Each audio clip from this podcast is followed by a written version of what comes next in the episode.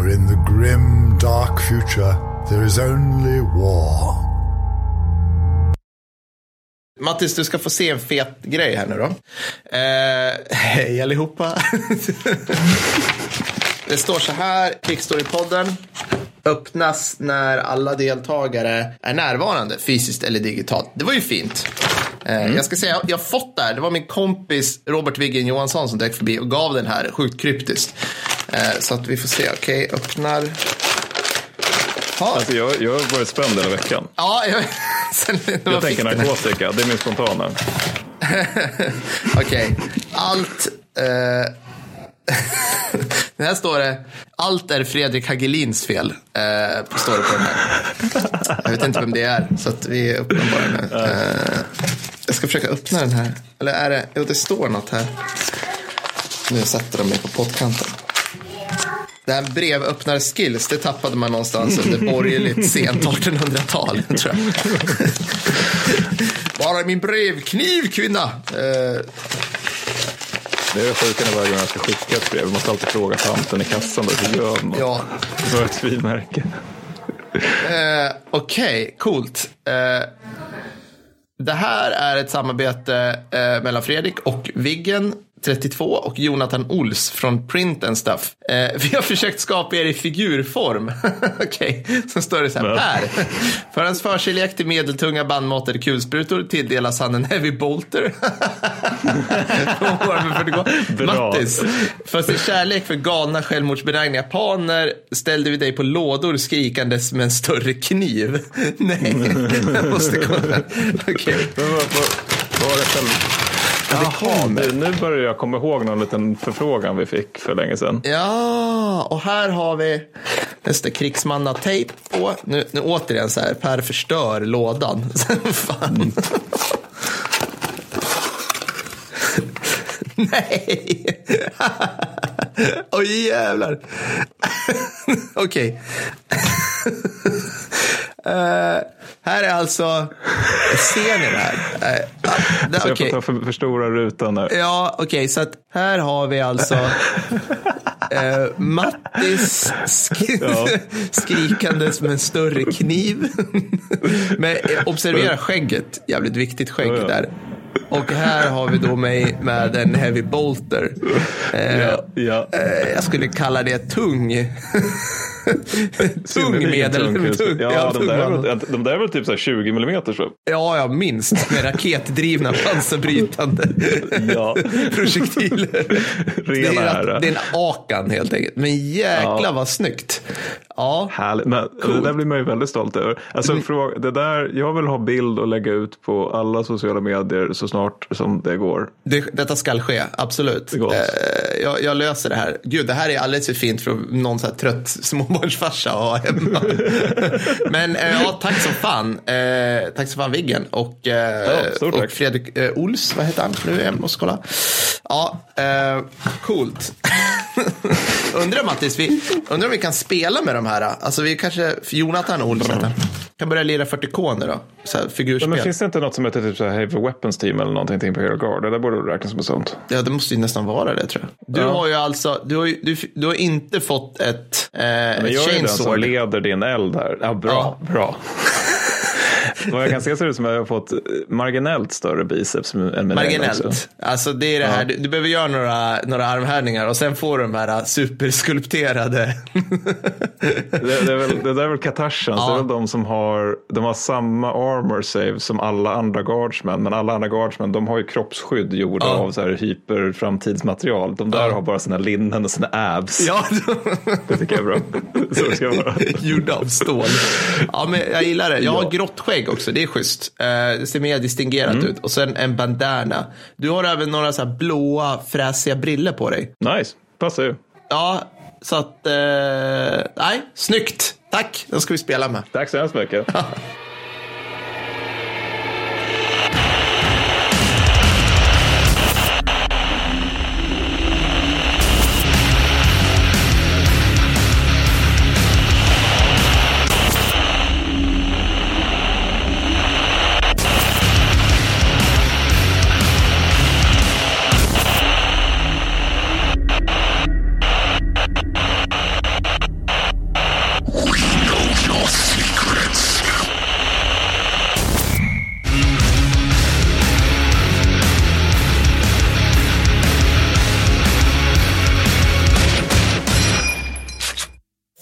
the Emperor, For the Emperor! Charge! kära lyssnare, och välkommen till det kanske smalaste avsnittet i poddens historia. Tack alla ni tio som lyssnar just nu. Eh, tack alla ni nio som lyssnar nu. Tack alla... Nej, jag skojar God bara. dag Per, god dag. Eh, Hej Mattis. Eh, vi, är ju, vi ska säga det här först. Eh, Du, nämnde det precis innan, Ja. men vi lugnar alla nu att det här är ett specialavsnitt. Så att vi låter inte så här vanligtvis, eller vi låter så här, men vi, vi pratar oftast inte om det här vanligtvis. Nej, nej. Det, kom, det, kom, alltså, det här är inte istället för ett ordinarie avsnitt. Det är fortfarande Nej. så att det kommer varannan vecka och patroner får ett extra månad. Men det här är liksom ett utanför vårt körschema. För vi hade en inspelningsstund över som vi inte ha- hade fyllt upp med något annat och då tyckte vi att vi kunde göra det här. Ja, Och korrekt. vad är då det här Per? Ja, vi ska prata Vi ska prata om ett figurspel som uppfunns på 80-talet i Storbritannien. Nej. Vi ska prata om, vi ska prata om Warhammer 40K som vi är intresserade av för att vi är småbarnspappor i 35-årsåldern. Nej, men på riktigt.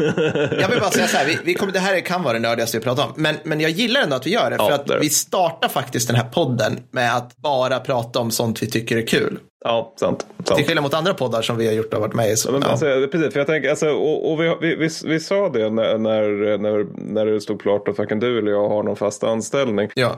Då, då sa vi också det att just på grund av det så, så kan vi faktiskt spela in specialavsnitt. Sen så Ja. har vi nog inte varit så duktiga på det som vi trodde vi skulle vara för att vi, var, vi skulle spela in Patreon-avsnitt också. Det tog sin lilla tid. Mm. Men, men, ehm, men, men det här, så det här är första specialavsnittet helt enkelt. Ja, ja. Vad skulle jag komma till med det här? Jo, men, men och det- grejen är ju liksom lite grann att vi vet ju att alla är inte intresserade av Warhammer 40 000. Men, men vissa är det. Så, så att det är därför Ja. special. Men det är liksom lite grann som att vi kanske någon gång bestämmer oss för att vi ska ha ett avsnitt om krigsfilmer. Det tycker vi också är jätteintressant. men vi Mm. precis. tror inte att alla som lyssnar tycker att det är jätteintressant. Nej, det tror vi inte. Och, alltså, jag tänkte lite grann när vi skulle prata om men att det kommer också vara så här, precis som när vi pratar om typ så här, pansar eller stridsflyg, så, så här, du och jag kan, vi kan mer än de flesta, Ja. men de som kan mer än oss om 40k lore kan så inåt helvete mycket mer än Ja, oss. alltså det, är nog, det, är, det, är, det är en bra jämförelse men det är samtidigt en dålig jämförelse. För jag tror inte alltså, nivåskillnaden mellan de som kan pansar och de som kan 40K är Nej. ens jämförbar. Alltså, vad, är det, så här, det, det finns liksom något, eh,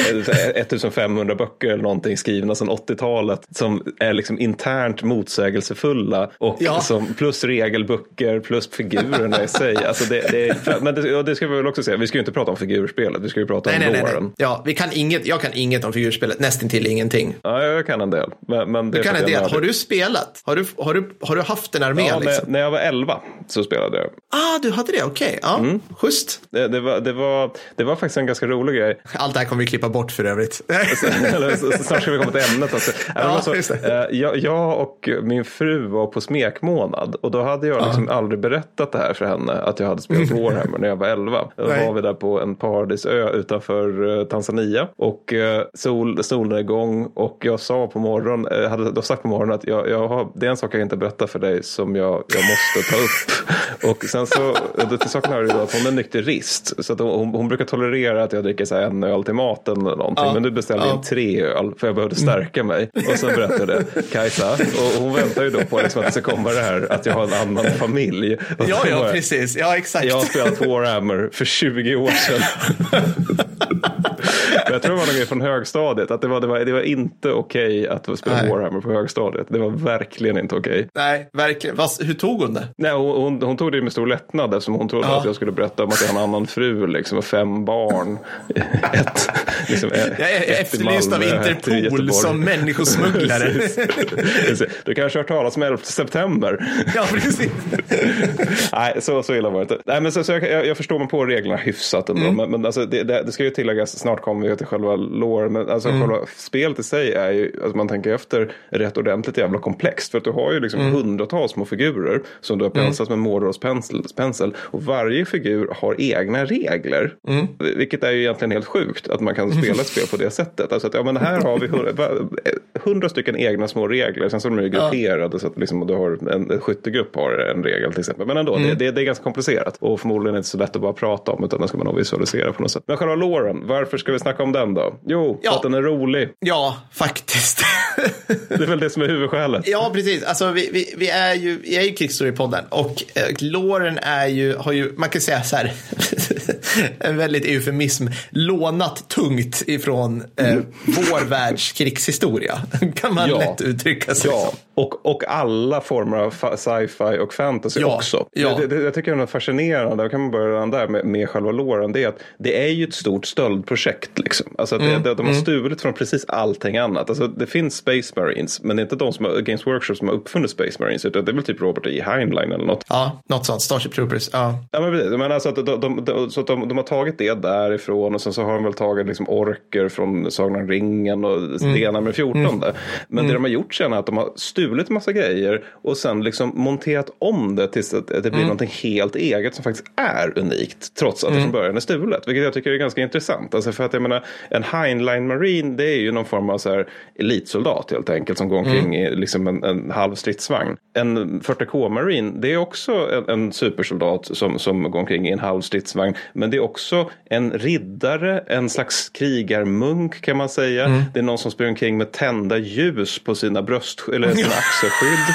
Det är, alltså, det, är liksom, det, det har, dödskallar fastspikade på rustningen Ja. och stora kedjor. Och det här är liksom en av de goda. Men, och vi kommer ja. komma till det här med den moraliska skalan. Men, men det är just att de har, de har liksom tagit en fusion av allting som är liksom coolt och badass och allting som är på, kan vara på framsidan av ett 80-tals hårdrocksbands skivor. Och sen så har de gjort det till något eget. Precis. Som det finns en väldigt intrikat lore kring. Ja, hyfsat intrikat som är självmotsägande. Det är väl det vi kommer in på i, i mångt och mycket. Liksom. Mm. Vad, vad, vad börjar vi någonstans? Har vi, ska vi förklara vad det är? Eller vad tycker du?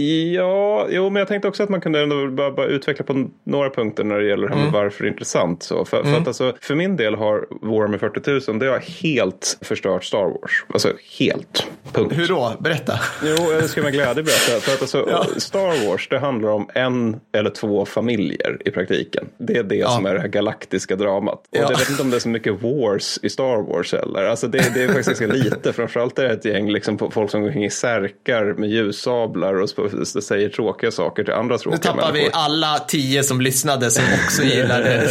Nu har vi en trekkie kvar som undrar vad fan vi pratar om, men som stannar av Ja, vi kommer komma till Star Trek också faktiskt. Ja, men det roliga, men, men, men, alltså, Nobel Bright. ja, ja, det är sant. Ja. Men, men men också en, en, en annan grej är ju på något sätt att Star Wars, om vi ska fortsätta basha det lite grann. De som säger att de gillar Star Wars, de gillar egentligen Empire Strikes Back. Mm, den bästa filmen i hela Star Wars-sagan. Utan tvekan. Ja, men jag det- gillar ju Star Wars. Så att jag, Ja, ja. Det kan du väl få göra, men, men, men det är fortfarande det att liksom, de flesta som gillar Star Wars hänvisar alltid till Empire Strikes Back och i övrigt till vad de tycker att de andra filmerna borde ha varit. Vilket är ju, jag vet inte, Läs 40K, det kan man ta lite som det är. Liksom. Det, det finns en del riktigt jävla dåliga böcker och så finns det en del som är helt jävla gudabenådade. Ja. Men, men, men så- för grejen är med 40K, det är ju alltså att det är liksom en mycket större stö- militär fokus än Star Wars, vilket är kul för oss som gillar eh, militära spörsmål och krigshistoria och sånt där. Och samtidigt så det är lite färre liksom rymdtrollkarlar och samtidigt så finns det rymdtrollkarlar. Ja. Fast de har liksom, de är klädda i en bil istället Ja. för att de har en särk. Ja. Men sen också, alltså det är en lore som har verkligen allt. Alltså allting kan hända i den här miljön. Alltså det, det finns inga som helst begränsningar. Alltså om du vill ha, om du vill ha i praktiken Zulu-krigare som är genmodifierade och springer omkring i blå, blåguldrustningar. Ja, det finns absolut. Vill du ha liksom grimdark-varianten av tyska armén under första världskriget Mm. fast med laservapen. Ja, då finns det också. Vill du ha alver? Ja, det finns. Fast de bor ja, ja. i rymden. Oh, ja. Och, och de klär sig i masker som de måste lyda masken så att säga. Det finns en mask för sophämtare, det finns en mask för krigare och så vidare. Och så vidare, och så vidare. Och deras själar bor i deras rustningar på något vis. Jag har inte riktigt greppat. Ja, eller då, de försvinner in i, röst, i en sten ifall de dör så att de inte ska bli slukade av She Who Thirsts. Det finns orker Ah. också. Fast det är Jajamän. egentligen Mm. ett, ett, ett konstruerat biologiskt stridsmedel som någon Mm. har öppnat tagit ut ur en låda och sen har misslyckats med att stänga lådan. Mm. För det är i praktiken svampar som de kallar för orker. Fast de har två ben, två armar nästan odödliga. De är jättehärliga. Och det är också de som är den roliga faktionen i det här. Ja, Eftersom de har kul. När de släpper, liksom släpper napalm människobyar och sånt där. Ja, alltså det finns ju, det finns ju hur mycket mer, alltså det, som du säger, det, finns det fanns en gång i tiden som Games Workshop retconade fanns ju rymddvärgar också. Just det, squats. Ja.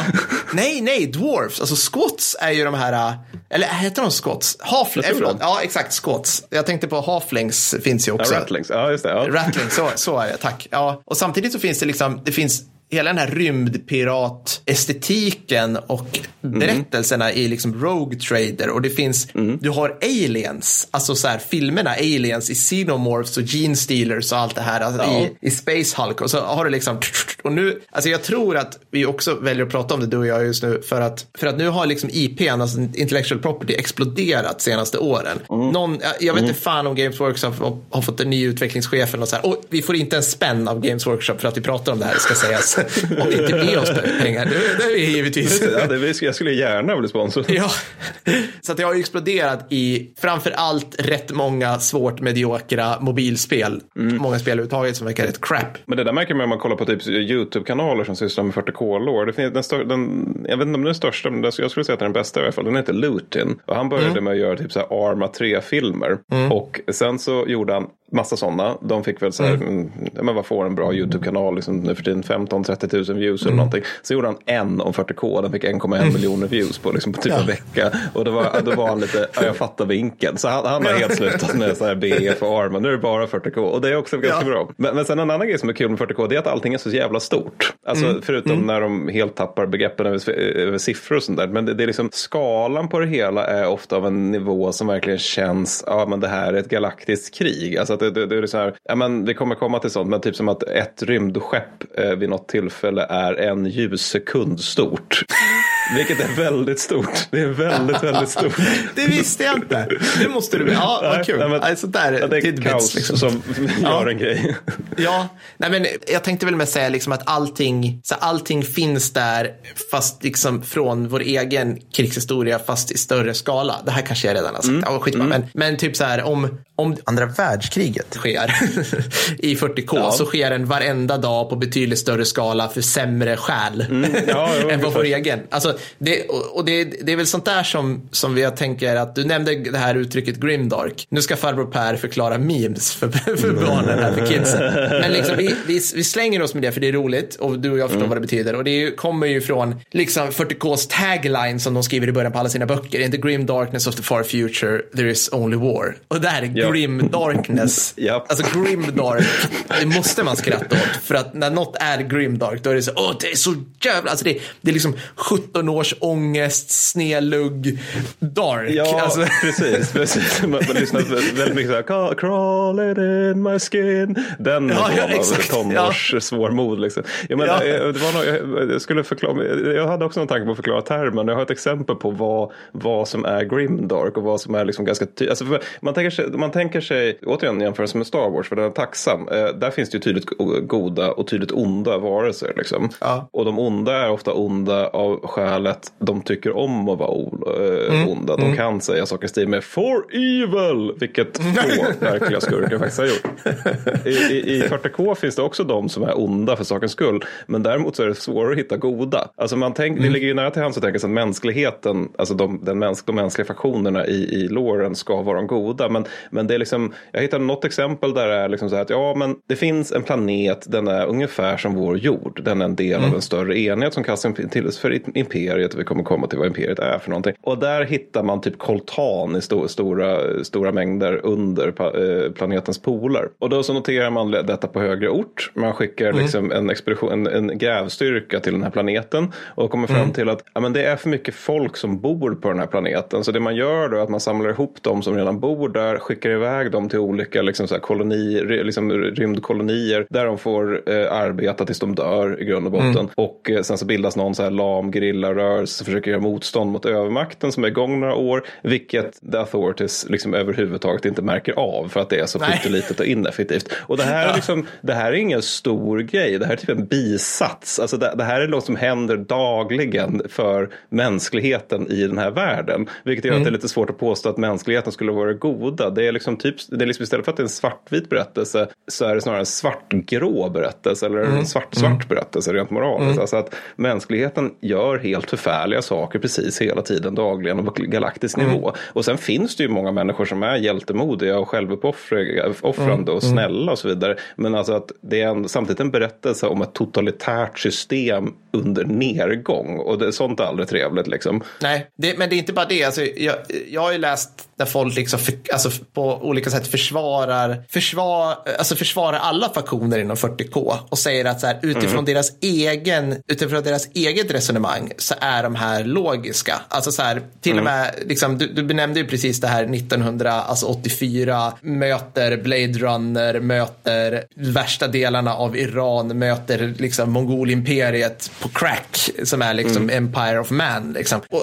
och, så här, och de är ju så jävliga för att allting, alltså alla alternativ är så mycket värre. Okej, vi måste Ja. ha den här planeten där liksom en miljard barn jobbar ihjäl sig dagligen i de här gruvorna för att få fram de här bitarna med kol så att vi kan driva våra rymdskepp så vi kan åka och slåss.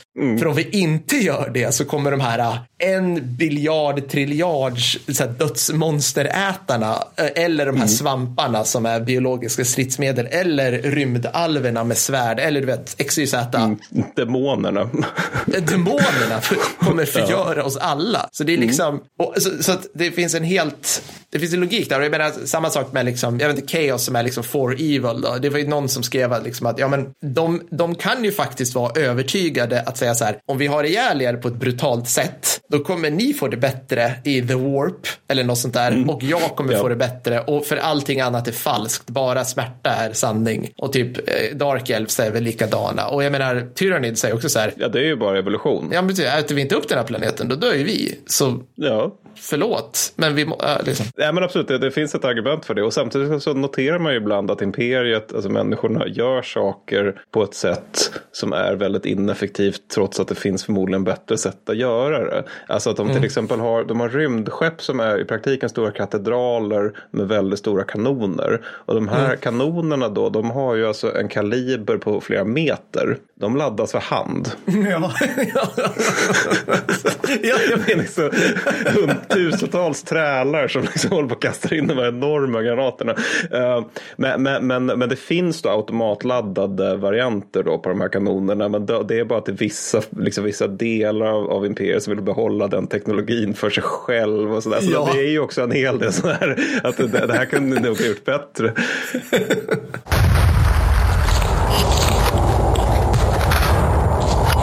Men, men jag tänkte, jag tänkte innan vi ger oss in på att grotta ner oss i liksom Mm. vi, själva avsnittet, alltså själva låren och så, så tänkte jag vi kan du gå lite snabbt ifall vi fortfarande har med oss någon som, som inte Ja, jag, vet jag, jag, jag för tror vi pratar för oss själva nu. Vi får se. Eventuellt ja. Nej, men jag tänkte Ja. Mm. om vi har kvar den här Trekkin då som vi nämnde. Eh, som fortfarande lyssnar. Och utöver honom om det är någon annan som, som vi liksom vill veta vad det är vi snackar om och ändå vill Mm. hänga med på resan. Då, då tänkte jag att jag bara snabbt kan beskriva vad det är. Så det Ja, är alltså för- 40K är science fiction slash science fantasy slash military sci-fi. Mm. Det utspelar sig 38 000 år in i framtiden. Så att där har 40K, Warhammer 40 000. Så det, Mm. ja. Och typ själva grundhandlingen är att liksom från vår tid till då så blev allting mycket, mycket bättre. Allting blev fantastiskt. Människan tog över galaxen. Teknologin blev så jävla avancerad att det inte längre gick att skilja från magin. Det är liksom på den nivån. Sen skedde en liten grej och det var ett robotuppror och där utraderades nästan mänskligheten. Alltså det, det var inte bra alls. Och sen kanske, vad kan det vara, 10 000 år senare så kommer en varelse och det är kejsaren. The Emperor protects us. Och det är liksom inte en person utan det är snarare, alltså det är lite oklart i låren vad det är för någonting. Han hänvisas till som kejsaren men han är, mycket, han är typ fyra meter hög, är, är magiker och är väldigt karismatisk och brutal. Och sen så han kommer och allting blir bättre igen,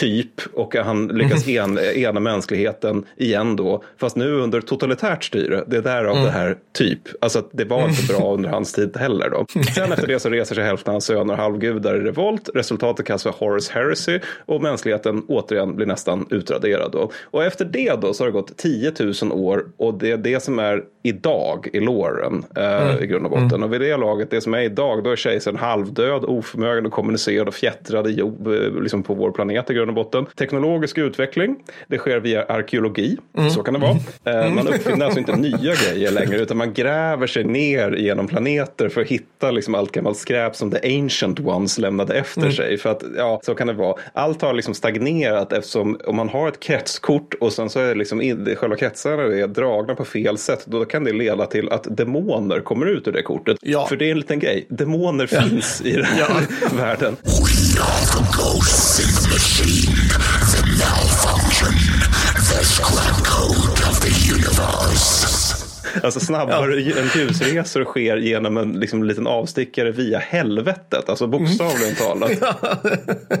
och mänskligheten håller stora delar av galaxen men är omringad av otroliga mängder yttre hot. Där liksom det kanske finns fyra stycken större hot och varje enskilt kan förmodligen krossa hela galaxen. Så att det, det liksom inte, handlar inte om att mänskligheten ska ta terräng vid det här laget. Utan det här handlar snarare om att det här är liksom berättelsen om den sista lågan som fladdrar i mörkret. Det är i grund och botten det det är. Alltså det som kommer vara, det som är slutdestinationen för låren det är förmodligen att människor inte finns längre. Och att det här är berättelsen om det som absoluta slutskedet för, för vår art.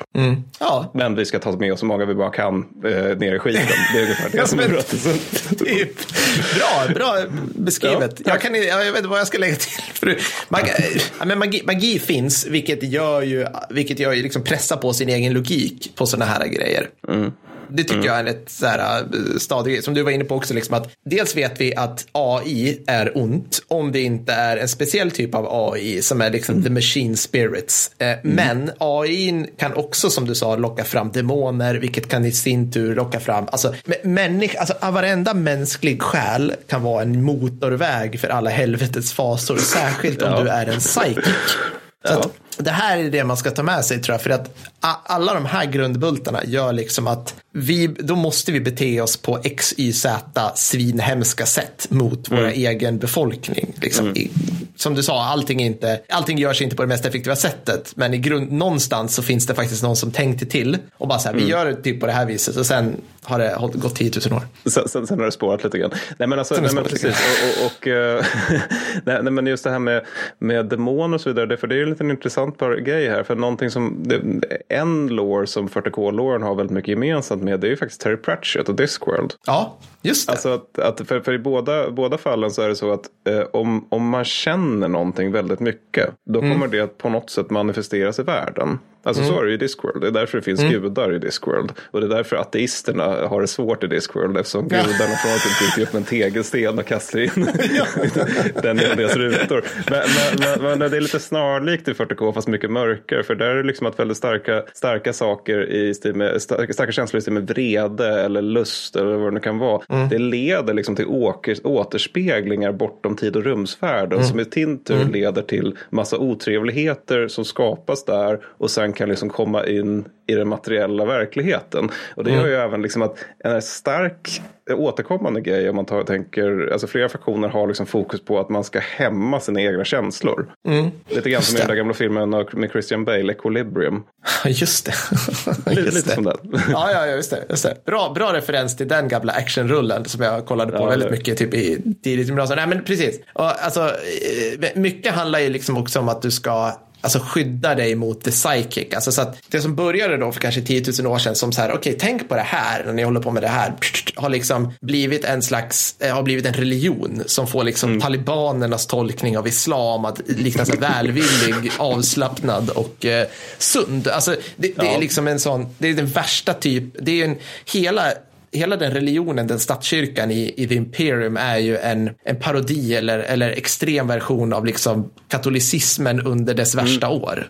Typ. Mm. Mm, med en egen, egen inkvisition och allt. ja, ja, ja. Den är ju det bästa, skulle man kunna säga. Nej, ja, precis, för de är också de goda. Det är de som ser till att folk Ja, kan ja, ja. sova på nätterna. Men det krävs jättehemska offer för det. Men, men, men, Ja. Det, ja, men precis. Och det där är också ganska intressant. För just det där du nämner 10 000 år. Det är också en sån här återkommande grej i låren. Kommer jag tänka på nu. Det är att på något sätt att det är en viskningslek från 30K till 40K. Så Ja, ja. kejsaren som vi nämnde tidigare. Han var i praktiken ateist. Han, han Mm. ville att man skulle, alltså, han- det finns en liten short story där han bränner ner jordens sista kyrka och den sista Mm. prästen med hänvisning till att, men vem fan tror du Jesus var? Ja. Men sen går det 10 000 år och sen sen är det plötsligt 40k och vid det här laget så dyrkas kejsaren som en gud. ja, ja. Vi- vi- Vilket är liksom en del av visningsleken. Jag vill Ja. inte bli dyrkad som en gud. Sen så går det för Nej. 2000 år. Jag vill bli dyrkad som en gud. Sen Ja. så efter det så bara, nej men han är gud. Vad ska vi göra? och det där är också ganska återkommande. Liksom att något diktat för, då liksom i, för 8000 år sedan sen blir liksom någonting som är tradition och lag i 40k. Mm. Alltså att det, För det är också en, det är en ganska fascinerande grej med det hela. Det är på något sätt att rätt mycket sci-fi har ju liksom en uppåtrörelse när det gäller både teknologi och kultur. Mm. Men här är ju snarare en neråtrörelse. Att mänskligheten pikade under det de kallar för dark age of technology. Mm. När, innan robotupproren mer eller mindre. Och sen hade den en liten spark igen under kejsaren gick bland människor. Och sen när vi är vid 40k då har ju allting gått åt helvete så mycket det bara kan. Och det är liksom det är mer som att man har man har kvar mycket av teknologin men man förstår inte hur den funkar. Och man har absolut inte kvar kulturen som ledde till den teknologin. Nej. Nej, den är ju olaglig. Kulturen som ledde till det är ju olaglig med dödsstraff. Som, Ja, ja, alltså om du, ja, om du, ja, ja, ja, om du börjar ja. gå runt och säga de idéerna, vi måste, vi måste ha ett öppet sinne, vi måste använda vetenskapliga metoder, då kommer du! Alltså, då kommer du avrättas. Liksom. Det är på fel Ja, plats. men det, det, det är på något sätt lite grann som att man skulle ha gett liksom kärnvapen till liksom 1200-tals korsfarare. Mm. Alltså att de, har- de har inte den kulturella nivån för att kunna hantera den här typen av sprängkraft. Eller att man skulle ge Nej. medeltunga bandmatade kulsprutor till mongolerna. Alltså det skulle inte heller vara någon bra idé. Just, alltså det, just, det, som sagt, det är liksom en blandning mellan låg kultur och hög kultur i imperiet. Ja. Och det är mycket av det som är dess förbannelse. Och det som är intressant med det också. Ja, precis. Men det här, jag, jag älskar liksom, i 40K, är- i och med att det är draget till sin spets, så är det ju verkligen så här, det som vi har pratat om, och som nu finns att köpa i vår muggshop, liksom 15 taktiska kärnvapen per minut finns överallt. Alltså det är bara, det är bara kör, kör, kör, sprid Ja, och förstärk liksom. understöd på gruppnivå liksom. Ja, ja, ja. Inga David Crockett till varenda skyttegrupp. Kör liksom. Nej, men, ja, men du var inne på det här med liksom, alltså, det var en låg, lågkultur med, med hög teknologi som är på väg ut. Jag var inne och kollade på mycket på de här TV-tropes och där är ju verkligen high tech, low culture. Men det finns en annan också som jag tycker 40K försvarar rätt bra och det är den här medieval stasis tropen. Alltså, Mm, det. för det är ju faktiskt det den är. Alltså det, det är en kultur som är fast på en speci specifik teknologisk utvecklingspunkt i alldeles för många år mot vad som vi tycker är rimligt. Och det här är ju någonting som, som finns, om man tänker efter, alldeles för mycket i fan, framförallt fantasy. Då. Och en av de mest kända förövarna är ju, liksom, eh, är ju Game of Thrones, liksom. Song of Ice and Ja. Fire, där de av oklar anledning i 2-3 tusen, åtminstone i typ 350 år sedan liksom de första Targaryens gick i land, så har de varit Mm. på typ medeltidsnivå. Av ingen förklarlig anledning överhuvudtaget. Och, Nej, och alltså det, närmaste man kan komma till där är väl på något sätt liksom att vädret är väldigt konstigt i Västerås. Men det borde ju inte vara ett så stort hinder. Alltså, det borde verkligen, Verkligen inte vara det. För, för man tänker, man, man, en del, en del fantasy-universa, där är det ju så att det finns magi. Och det tänker jag, det leder ju till lättja. Alltså att man, man, man, kan, man kan bara trolla fram någonting eller trolla bort någonting. Ja. Så då behöver man inte Ja. utveckla någonting. Men i Game of Thrones så är det ju ändå så, eller Song of Ice and Fire-böckerna. Där är det ju så att den lilla magi som finns, den är svår, den är obegriplig, den kräver uppoffringar och så vidare. Mm. Så det, den är, det, är inte, det är inte som, vad fan heter den, Belgariden där det är liksom att man bara kan göra vad fan som helst egentligen Nej, om, man, om, man känner, om man säger rätt ord. Så. Utan, Nej. utan, nej, det är faktiskt väldigt konstigt. egentligen. Tolkien Mm. är också lite så egentligen. De är också fast på någon form av så här tidig medeltid, nästan bronsåldersnivå. Och det handlar ju om tusentals år. Det ges Ja, ju ja, ja. Aldrig någon förklaring till vad jag vet varför de är Nej. fast i det här. Nej, jag tror bara att författarna är liksom lata eller inte, inte tänker tillräckligt mycket på hur faktiskt människan är. Alltså så här, vi, vi, vi är ju, vi är ju på gott och ont ett virus. Så, det är ju på ont, men liksom, vi förtär naturresurser runt oss. Och vi inte Mm. lever på liksom så här stam, stam på Papua Nya Guinea nivå, så förtär vi ju resurser runt oss. Och vi, vi liksom gör av med resurser. Och vi, men samtidigt försöker vi ju hela tiden göra saker och ting bättre på olika sätt också. Alltså att vi utvecklar saker och ting. Jag menar, det, det finns en jävligt rolig grej, typ så här, okej, här, är, här är medeltiden, liksom, där vi nu vet att så här, teknologi, teknologisk utveckling pågick. Och så visar de ett, ett slott från 900-talet i början och så visar de ett slott från 1200-talet och slott från typ så här tidigt 1400-tal. Och det är alltså, det är en, första slottet, det är en, det är en hydda på en kulle med en träpalissad. Just det, just det. Tredje slottet, det är den här Faun Neustein som är byggt liksom i typ marmor på en bergstopp och har 500 rum och liksom elvärme. Alltså, det är helt, det, är så, det går inte ens att, och bara, bara, men båda två byggdes under medeltiden. Så bara, mm, Ja, ja. liksom, ja, det, det är lite, lite trubbig kategorisering, ja. Ja, lite så här. Men, men då, det ska jag komma till. 40K, i- alltså det, den magin och den världen som de lever i säger så här, ni får inte utveckla ny teknologi. Eller Nej. ni gör det Nej. med så, det är så extremt hög risk att vi har kodifierat det i allt. Alltså lagar, regler, liksom synsätt på innovation, allt det här. Att, att Eget liksom, mästerskap också vid namn Mechanicus. Ja, ja, precis. Så bara de får pyssla med det. Och, bara, och Mm. de har bara liksom, det är riter och oljor och, och rökelser och skit. Liksom. Ja, men bara sådana här saker som att det finns ett begrepp som är tech heresy. Alltså Ja, teknologikätteri. det, det kan vara från allt att du liksom tar ett, en stridsvagn och sätter en demon först i den till att Ja. du, alltså jag har en plog, jag vill att den ska gå lite snabbare, jag sätter ett nytt hjul på den, Br- bränn honom, Ja. bränn honom. Kan det här vara, nej, nej, ingenting, Nej, ingenting nej, nytt. nej. Nej. Nej, inget alls. Men sen är väl mycket också egentligen på något sätt att det är en förbannelse det här med att, att det, är- för 40K är på något sätt också en nostalgisk värld för 30K. Alltså att mänskligheten i 10 000 år har försökt ta tillbaka, alltså dels bevara men också komma tillbaka till det de ser som sin, rätt eller fel, gyllene era, vilket är 30K då. Men alltså att de i 10 000 år har misslyckats med det och snarare kommit allt längre och längre ifrån det via Ja, allt ovan. Mm, precis.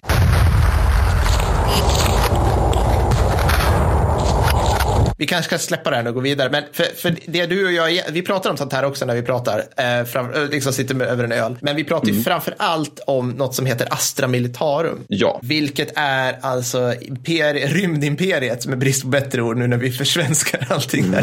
Rymdimperiets beväpnade arm.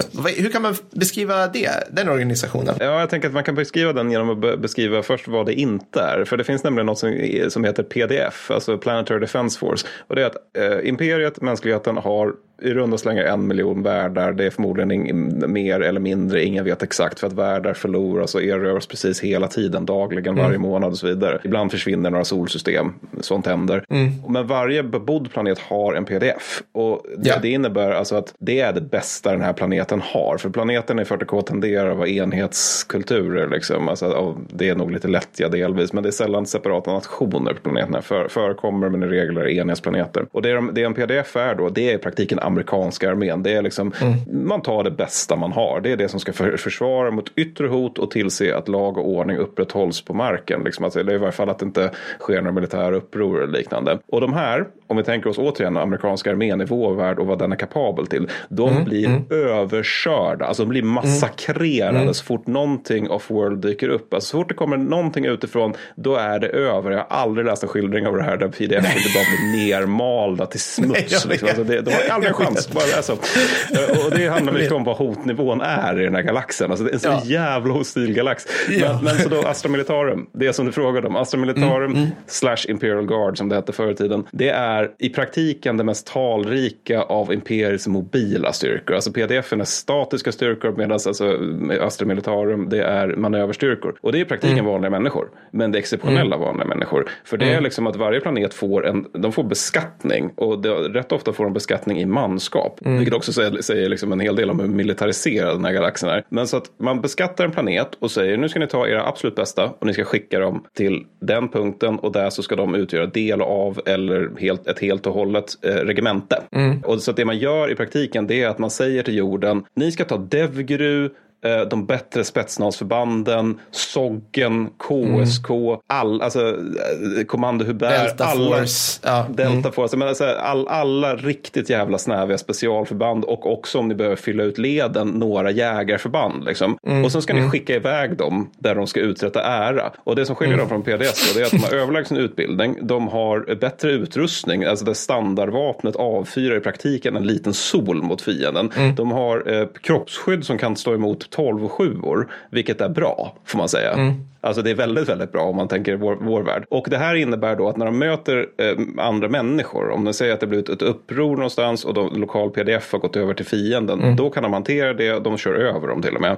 Möter de någonting annat så blir de i regel själva överkörda. Apropå väldigt hostil miljö. Alltså de här dör Mm. Ja. i miljoner och det här är något av det bästa män, människo, mänskligheten har. Ja, ja. Och, det, och samtidigt, alltså, samtidigt, eh, ska vi komma på det just det här med siffror. Vi, vi slänger oss så mycket med siffror. Och jag, jag har ju min, vad jag, vad, min pet peeve det här. Det här är sån här, det här är sån här som Per blir arg och irriterad i olika debattforum på nätet och skriver långa inlägg där jag liksom jag räknar exempel. Men, men det finns, alltså, en, en sak som vi, som vi stör oss på, du och Mattis, det är just det här att alla de författarna som vi läser, som, som liksom tillverkar det mest tillförlitliga fluffet och låren kring 40K, de har inte skit mycket koll på faktiska militära, alltså ska man säga, militär fakta, krigshistorisk fakta från vår egen planet. De har, liksom, de har tagit någonting ofta som de tycker så här, det här är svinhög siffra för stridsvagnar. Hur mycket är det? Så här, säg, att, säg att hela den här Forge Worlden har skickat sina bästa stridsvagnsregementen. En Forge World är alltså en, en planet täckt med fabriker som bara gör typ krigsmateriel oftast. Det, det finns också världar som bara gör mat.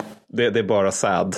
Ja, ja, precis. All, det, det är typiskt så här att varenda planet gör en sak. Ja, Ja. Och de här Forge skickar alla sina bästa stridsvagnar dit. Och de skickar hur många, och så bara, man kan se på Games Workshop, hur mycket många stridsvagnar?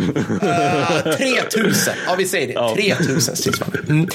Sovjetunionen hade minst 13 000 T72 i Östtyskland sedan 1987. Alltså, det är liksom ingenting. Det är De förlorade ingen, alltså, 96 600 totalförstörda stridsvagnar och stormkanonvagnar under hela andra världskriget. Ja, på fucking 40-talet. Och det var Ja, liksom, ja. gjordes av tre fabriker i Ural. Liksom, de, alltså, så det är mycket sånt här. Så jag, vill bara, jag kan ta en grej till ett exempel Mm. bara. Liksom. Så, det här är till er Games Workshop. Men Nazi-Tyskland och Sovjetunionen i början på operation Barbarossa ställde 2,9 respektive 3,8 miljoner man mot varandra. Ja, ja. Om du läser en så här genomsnittlig 40k-bok, då pratar vi liksom om, om det är över en miljon man, då är det så här planetary invasion level. Alltså då är det liksom typ, typ nu tar vi en hel planet liksom. Så att, ja. Så nu ska vi göra ett exempel bara här. Ja. Räkna med Per, kan vi få en jingel?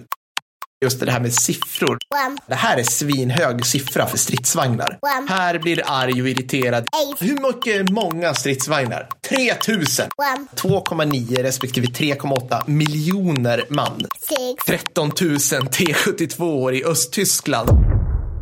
Tack. Okej. Tysklands befolkning 1939, eh, de hade 86 miljoner man. Det här var alltså innan krigsstarten. 2,9 miljoner man då som den sen satte på östfronten två år senare, det är ungefär 3,6 3,3 procent av befolkningen. Säg ungefär 3 3 procent utav befolkningen med tanke på logistik och du vet, ja men du vet Mattis, allt sånt där kring grejer. Kanske lite allierade, ja. Vervunhive som då satte upp liksom, som var en hive under ett av de här krigen, hade på en hive world, hade en befolkning på 40 miljoner, jag ska inte säga befolkning, invånarantal, med tanke på att det då räknas som en stad på 40 miljoner.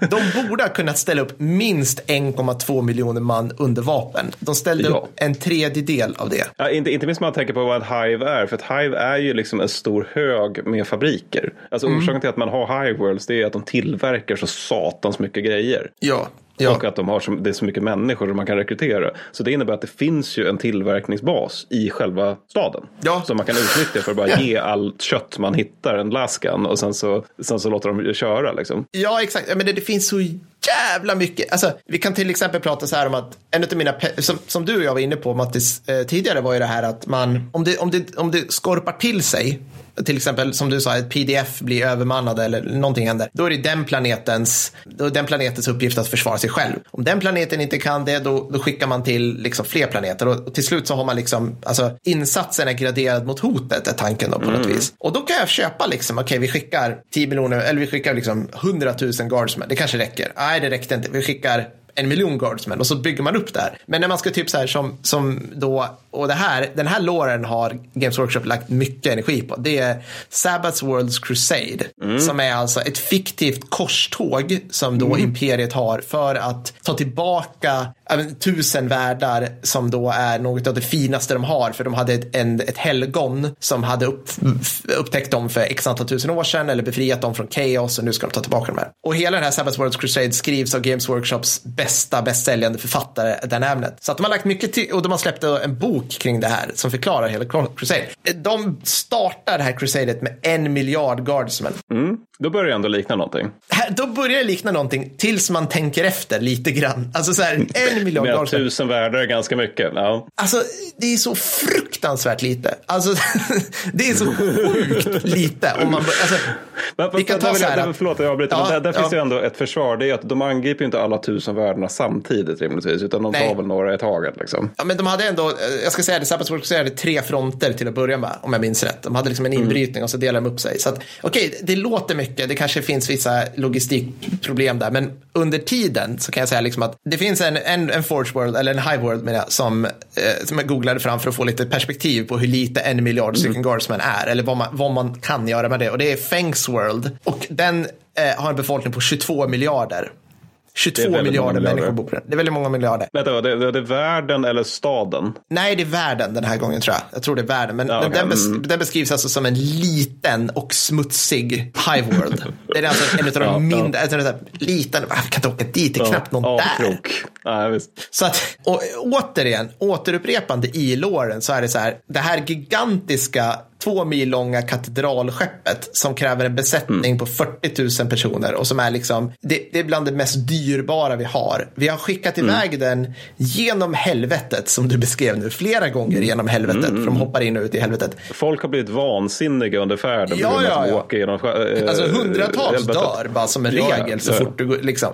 Så det är så jävla mörkt. Ja, det är så jävla Och den har åkt i flera år, för det tar så jävla tid ändå att ta sig fram. Och den kommer fram till den här planeten där Chaos har tagit över eller lalala. Och den sätter av så här ett regiment eller två eller tre regiment of Imperial Guard. Wow, det kanske är så här 15 000 pers. Och det tycker liksom författaren är så här, wow, 15 000 Men Det, det där gäller nog även förluster. Jag tror att det är någon av den, den där Gons Ghost bok som handlar om där de typ utkämpar första världskriget. Jag minns inte vad den heter, om det är Armor of Contempt kanske. Men, men där är det att de ska beskriva ett anfall som går helt åt helvete. Och då skriver författaren väldigt allvarligt att under det här anfallet så stupade 4 000 man. Och alltså helt ärligt, om de ska återskapa första, första världskriget, det är ett ganska okej anfall. Det är Ja, inte ja, så ja. farligt. Alltså inte om man jämför med första dagen.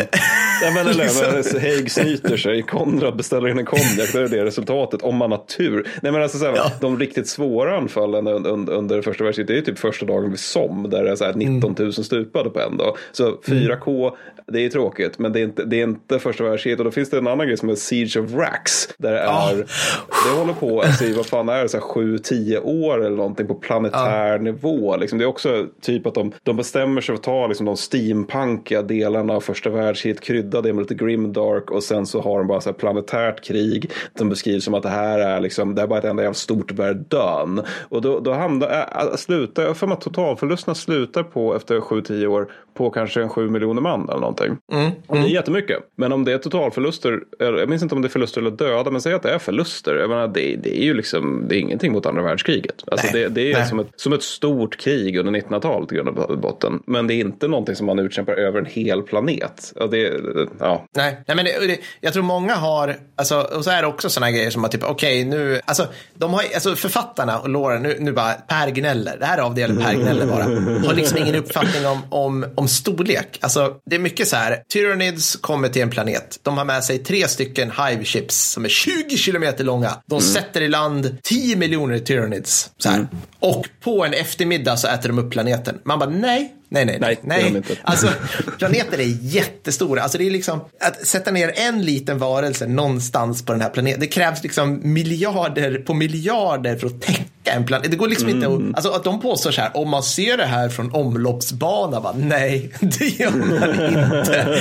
Alltså, det är så jävla orimligt. Och det, det där är, ja, det stör mig på rätt mycket. De borde lägga på tre nollor på allt de gör, mer eller mindre. Ja, ja ofta är det verkligen så. Det, det minns att det är, någon, det är Chris Wright som är en av de bättre författarna. Han är inte lika bra som Abnett och inte lika bra som Maren Densky Bowden, men han är fortfarande bra. Han beskriver i någon av sina böcker hur de, det är någon som funderar över hur svårt det var med den senaste mobiliseringen. Och det här är liksom en av imperiets ledare som funderar över det. Så att han säger, går omkring och oggar över det. Oj, oj, oj, det var så många man som, som mobiliserades. Och det tog 15 år. Och hur många var de då? Ja, det var en halv miljon. Alltså, ja. förlåt. Ja. Jag menar, Astra Militarum är bra. Det är de. Det tar nog tid att utbilda dem, men en halv miljon. Alltså, det, var, Ja, det, alltså, det är mindre än svenska armén under kalla kriget. Eller svenska Ja. krigsmakten under kalla kriget. Och det här ska alltså vara ett galaktiskt imperium. Men, och samtidigt så tycker jag ibland att de får till det. Alltså, till exempel Ja. det är någon Forgeworld-bok där det är så här att okej, men nu, nu ska vi ha en crusade. Då har vi 3,5 miljard guardsmen som mobiliseras Mm. plus antal Astartes chapters. Så vi kommer till vad det är för någonting. Mm. Och sen så är det lika många som är i understödsroller. Alltså de har ju en helt extrem tooth to tail ratio. Det, det, det tror jag också handlar om att författarna inte fattar vad logistik är. Hur svårt Mm. Nej. att liksom, transportera grejer. Men, men fortfarande, då är det, vad blir det, 7 miljarder mobiliserade soldater. Det börjar, börjar det Börjar, likna börjar hända någonting ändå, grejer. alltså. Ja, men precis. Och jag, jag ska säga också, eh, ibland, ibland jag menar, förlåt, men det här, kan vi nog jäm, jämföra med, med Star Wars där det finns en- 1,1 miljarder stormtroopers totalt. Ja. Det är det Ja. som det galaktiska imperiet har att jobba med. Det är inte så konstigt att det inte höll. Alltså. Nej, det är helt sjukt. Åh, oh, gud. Nej, men precis. Eh, jag kan ha en, eller ja, en, jag har ju tusen, tusen stycken, men det finns en sifferexercis också. Det är en av en av Dan Abnests böcker. Då nämner han, alltså då, då är det, ett- i en sektor så är, det- så är det liksom, har, vi, har de en front mot, jag vet inte vad, några kaosplaneter. Och då är det en av de här planeterna som jag tror är ish som jorden, som heter Gudrun, vilket är roligt för att den Ja. heter Gudrun. Ja. Gudrun. Och de då, de har hållit på och skickat trupp till den här krigsfronten rätt länge tror jag. Liksom. Och så ska de fira av den här senaste batchen då. Och då är det Gudrunite 50th eh, Rifles eller något sånt. Alltså det 50 femma nolla eh, regementet som de skickar iväg. Och det är på en halv miljon man. Och då, då börjar vi också snacka grejer. Liksom. Alltså då, då händer också grejer. För då är det liksom Ja, jävla commitment över lätt lång tid. Liksom. Och det är bara en planet också som redan har skickat det är en 49 planet. andra regementen som förmodligen är lika stora ungefär. Ja.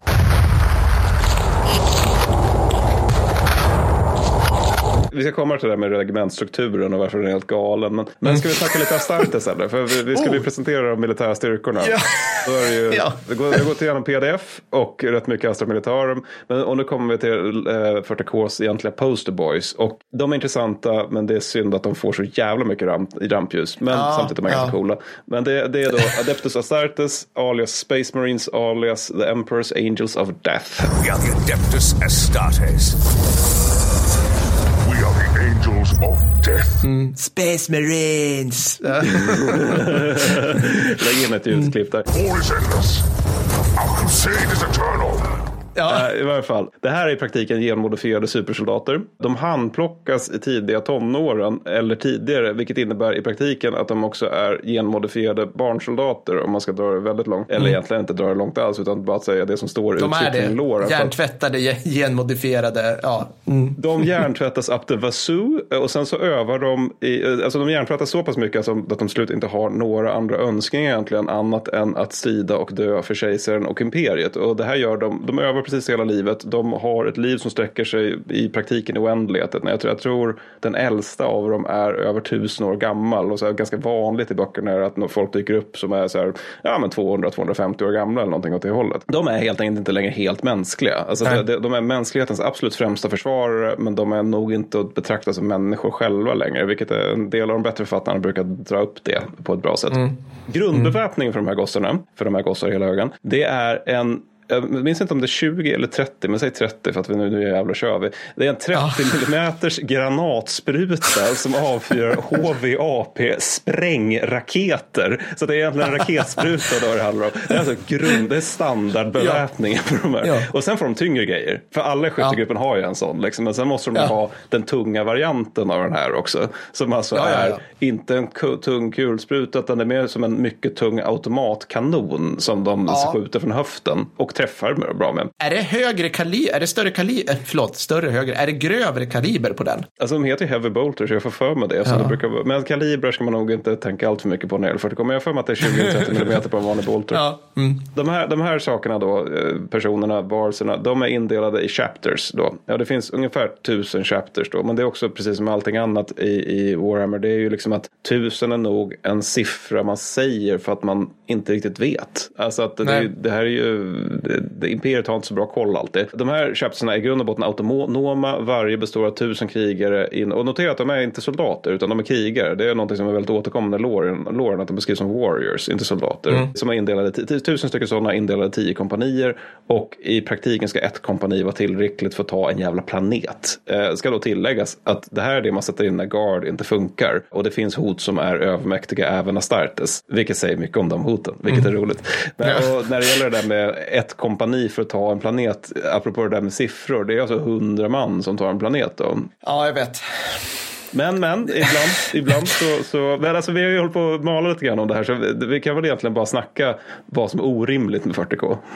Ja, det här är ju det som är orimligt. Alltså på, eller det spelar ingen roll hur liksom, supersoldatig dina krigarmunkar är. De kan bara stå på en plats och skjuta så långt som deras bolter når. Ja. Då, då måste det ju finnas något rimligt liksom, i att de slår till mot fiendens nervcentrum eller knutpunkter eller ledningsplatser eller, eller liksom något, det måste finnas ett huvud att hugga av. Då kanske man kan få effekt då i, i deras insats. För annars är de ju liksom, vad ska de göra? Alltså, Och rätt ofta i böckerna så framställs de som linjeinfanteri. Att de bara de utkämpar ett Ja. slag rakt av. Alltså det, Ja, det finns uttryckligen en marine per planet i imperiet. Ja.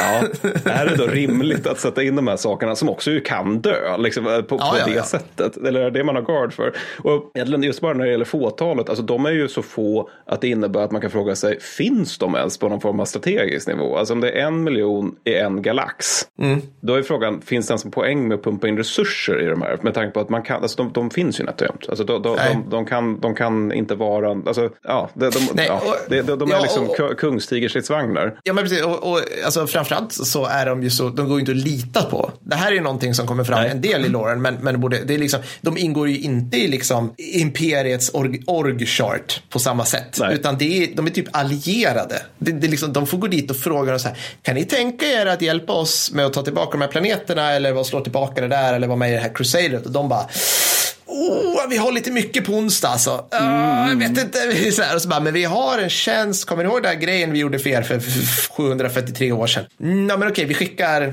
Bosse och Lasse och Jörgen. Ja. Tjoff! Och, och Imperiet får bara, åh, tack, tack, tack, tack. Och så går de vidare liksom med sitt, sitt crusade, liksom, eller vad det nu kan vara. Så att, för att det, ska man också ha klart för sig, att liksom, Imperiet som organisation är sånt jävla feodalt hopkok av gamla överenskommelser och konstiga allianser mellan de här liksom Mechanicus och, och liksom, ja, Astartes och allt sånt där. Liksom. Så att det är svårt att liksom ha det här strömlinjeformade. Nej, men alltså det, det är ju också just feodalt och det är ju en del av charmen. Det är ju inte en enhetsstat utan, utan det är Nej. ju liksom att det finns ett centrum som begär tribut från alla delar av imperiet men som saknar helt logistiska förutsättningar eller tekniska förutsättningar för, för att kontrollera alltihopa på den här detaljnivån. Alltså, jag menar, det finns ju ingenting som säger att imperiet inte skulle vilja att det fanns liksom alla planeter beter sig precis ett sätt. Liksom. Det tvärtom så skulle det vara helt i linje med, med hur imperiet fungerar. Men trots det så beskrivs alla, alla, alla böcker beskriver alltid planeter som väldigt sk- frånskilda från varandra.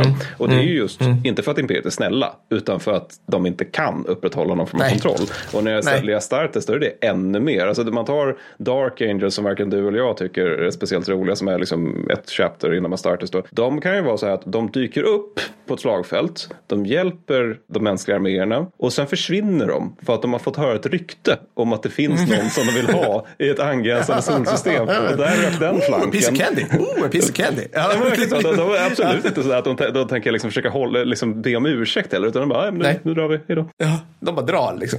Ja, ja, ja, precis. Och det där är liksom, ja, ja, apropå det med Starters, här finns, alltså i, i låren, en, en tumregel som jag gillar, eller som jag försöker upprätthålla, är ju, ju mer Space Marines framställs som alltså, en slags övermänskliga demigudar som är egentligen vapensystem. Och ju mer eh, sällsynta de är, desto bättre brukar författaren vara. Alltså, så Ja, här, det, mm, ja, ja, precis. om, som du sa var inne på, liksom, om de porträtteras som linjeinfanteri eller någonting, ja, då är det så här, det här är en författare, han har inte tänkt, det är inte speciellt roligt, det, det är liksom, de ska, de, ska, de ska uppfylla rollen som väldigt sällsynta force multipliers eller extremt sällsynta liksom, snabbinsatsstyrkor. Alltså kicking doors, busting orkheads, eh, den stilen liksom. Vi har ju, ja, men mina favoritexempel, alltså nu kommer jag droppa lite böcker där. Det är liksom i, Sp- i Spear of the Emperor, då är det ungefär 10-15 Astartes. De släpps ner i en stad, i en stadskärna. Jag vet inte om det är en hive, det nämns inte riktigt, men en stor stad. Och som försvaras eller hålls av en division av fientliga soldater ungefär. Och de bara plöjer sig igenom de här utan problem. Alltså de rör sig, de rör sig så snabbt att folk drabbas och rör sig så, så övermänskligt. Så att det, man drabbas av någonting, så jag tror, jag vet inte om jag, upp, om jag, vet inte om jag uppfann uttrycket i 40K, men liksom det här med, vad heter det, post-human dread. Just det. Alltså just att, det. Just det. För att det ska ju det- tilläggas, de här grejerna, de här varelserna är alltså två och en halv meter höga. Det, det kan Ja. tilläggas för den som inte vet. De är två och en halv meter höga, rör sig som en, liksom en, en trimmad motorcykel i hastighet. Ja, och har ingen som helst respekt för människoliv överhuvudtaget. Nej. Oftast. Nej. Liksom. Så, att, så att de bränner igenom det. Och liksom i en annan, bo, en annan bok, eh, Brotherhood of Snake, då är det liksom en- planet. Det här är ett bra exempel tycker jag också. Du får rätta mig om jag fel Mattias. Jag gillar det här exemplet på hur Astartes liksom fungerar på en slags galaktisk skala. Då är det en planet som är någon form av så här renässansnivå i teknologi. Lite bättre. Jag för mig de har någon så här lass crossbows eller något så här tidigt. Skitsamma. Det dyker upp typ fem, tio stycken Dark Eldars på den där planeten. Dark Eldars är alltså alver i rymden som är onda. Mm, Ja, och de är väldigt, väldigt onda. Och hela planeten typ så här kollapsar, ger upp och blir någon form av, jag vet inte, de, de bara dör. Ja, men de skickar ju typ ut så här blomman av sin riddaradel för att möta Ja, ja, hordet. Och det blir bara en massaker. Liksom. Man har inte en chans. Ja, det är inte ens roligt. Det är bara liksom, och hela planeten bara, det här kommer vi aldrig kunna klara av själva. Alla går och gömmer sig i sina jordkällare och ändå en karaktär i boken trycker på typ så här en, en knapp som är liksom väldigt mycket ritual kring det här som du beskrev Mattis och väldigt mycket så här, åh, ja, den här knappen, då, då kommer liksom änglarna eller något sånt här och hjälper oss. Liksom, knyter på den knappen. Ja, två år senare eller något sånt där, tre, fyra, jag vet inte. Då dyker det upp, då landar det ett till rymdskepp, det andra rymdskeppet i den här planetens historia som de kan komma på. Och ur kliver då en, en Angel då, alltså en Just det, just. Iron Snake, Space Marine. Och hon som lever då i fortfarande i den här liksom, ledarskiktet på den här planeten. Alltså det här är en planet, vi måste ta det till en, planetnivå. Hon säger så här, åh, ah, ni kom bara en. Ja, här, ja men då är du, då är du en, den mäktiga utav dem. Du är ledaren som ska liksom leda in de andra. Han bara, nej, nej, men du, du är väldigt erfaren krigare. Nej, nej, jag är praoelev. Typ, alltså motsvarande, liksom, jag, är, jag är lärling. Jag gör en praktik här för att sen någon gång i Ja. framtiden. Och han bara löser det. Han löser det liksom. Och, och det som är roligt med det är att så där bra måste de ju vara för att det ska vara rimligt med att det finns en miljon Astartes och det ska vara rimligt för dem att sänka ner resurser i dem. Precis, precis. Så där var bra måste de. Och om en författare då använder dem som, vad ska man säga, kanonmat, då tycker inte jag det är bra. Eller jag tycker inte det är rimligt, intressant. Nej, och det där, det där är ganska vanligt när man läser typ så här äldre Gons Ghost-böcker och liknande. För att det här med att Space Marines ska vara mer eller mindre gudar, det verkar vara någonting som har kommit på senare år. För att om man, man, man läser typ så här andra Go- Ghost-boken, då är det så att de, de, de här vanliga människorna, eller visst de är operatörer i praktiken, men de möter typ en skyttegrupp World Eaters som håller på att hacka, alltså World Eaters är onda Marines för den som inte vet.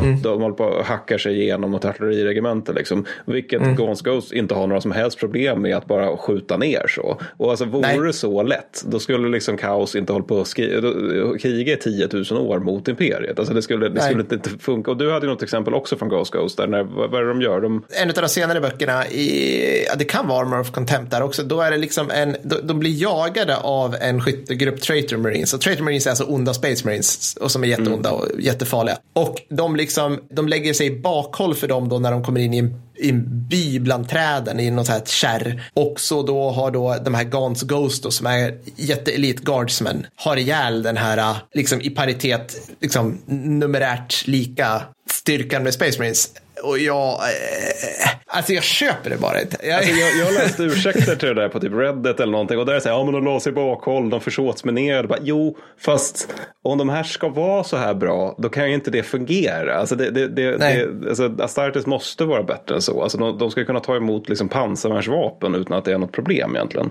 Nej, men, men typ, alltså, någon har ju nämnt, alltså, det ska ju vara ungefär som att, alltså, det, det skulle, hur många tvååringar skulle ta Mattis för att överlista dig och lägga sig bakhåll för dig och ha ihjäl dig? Hur många Ja, tvååringar? många ja, men det, ganska Ja, många. Alltså, det, det ska vara den nivån. Alltså, en grej som de inte tar igenom det här, men som jag tycker dyker upp i ADBs böcker, det är ju det här liksom att det är inte bara att de är snabbare, starkare, ser bättre än dig, hör bättre än dig, kan all taktik som människan någonsin kommit på. De är också smartare än dig. Alltså deras Ja, hjärnor fungerar mycket, mycket snabbare. De Mm. kan processa information mycket, mycket snabbare. Så, De behöver aldrig vila, de kan bara fortsätta Nej. springa och slåss hur länge som helst. Det finns liksom inte den begränsningen. nej, så det är liksom, det är på samma nivå som att du skulle så här, oj, ja, nu har min så här femåring, du vet, byggt ett, ett kuddfort här. Ja, pappa, du får inte komma in. Så bara, åh, vad sött. Du vet, ja, nu ska vi nu. gå och äta. Ja, men liksom så drar jag, ja precis. Alltså, det, det är liksom, det är den nivån det ska vara på. Då tycker jag det är bra. Mm, men. Men, men och grejen är att det, det är inte heller bara liksom Marine som skildras på ett orimligt sätt i, i den här loren. Alltså egentligen allt skildras ju på ett orimligt sätt och det kan man ju på något sätt förklara med att det här är en värld där det kan, om det går lite fel, bli så att mardrömmar får fysisk form och hungrar Ja. efter människokött. Det, det, det är sånt som kan hända. Ja. Och det innebär att rimlighet har någonstans lämnat den här galaxen. Men, men ändå, om vi ändå ska ta det på, låren på allvar, så alltså just Astra Militarum, vi var inne, var inne där på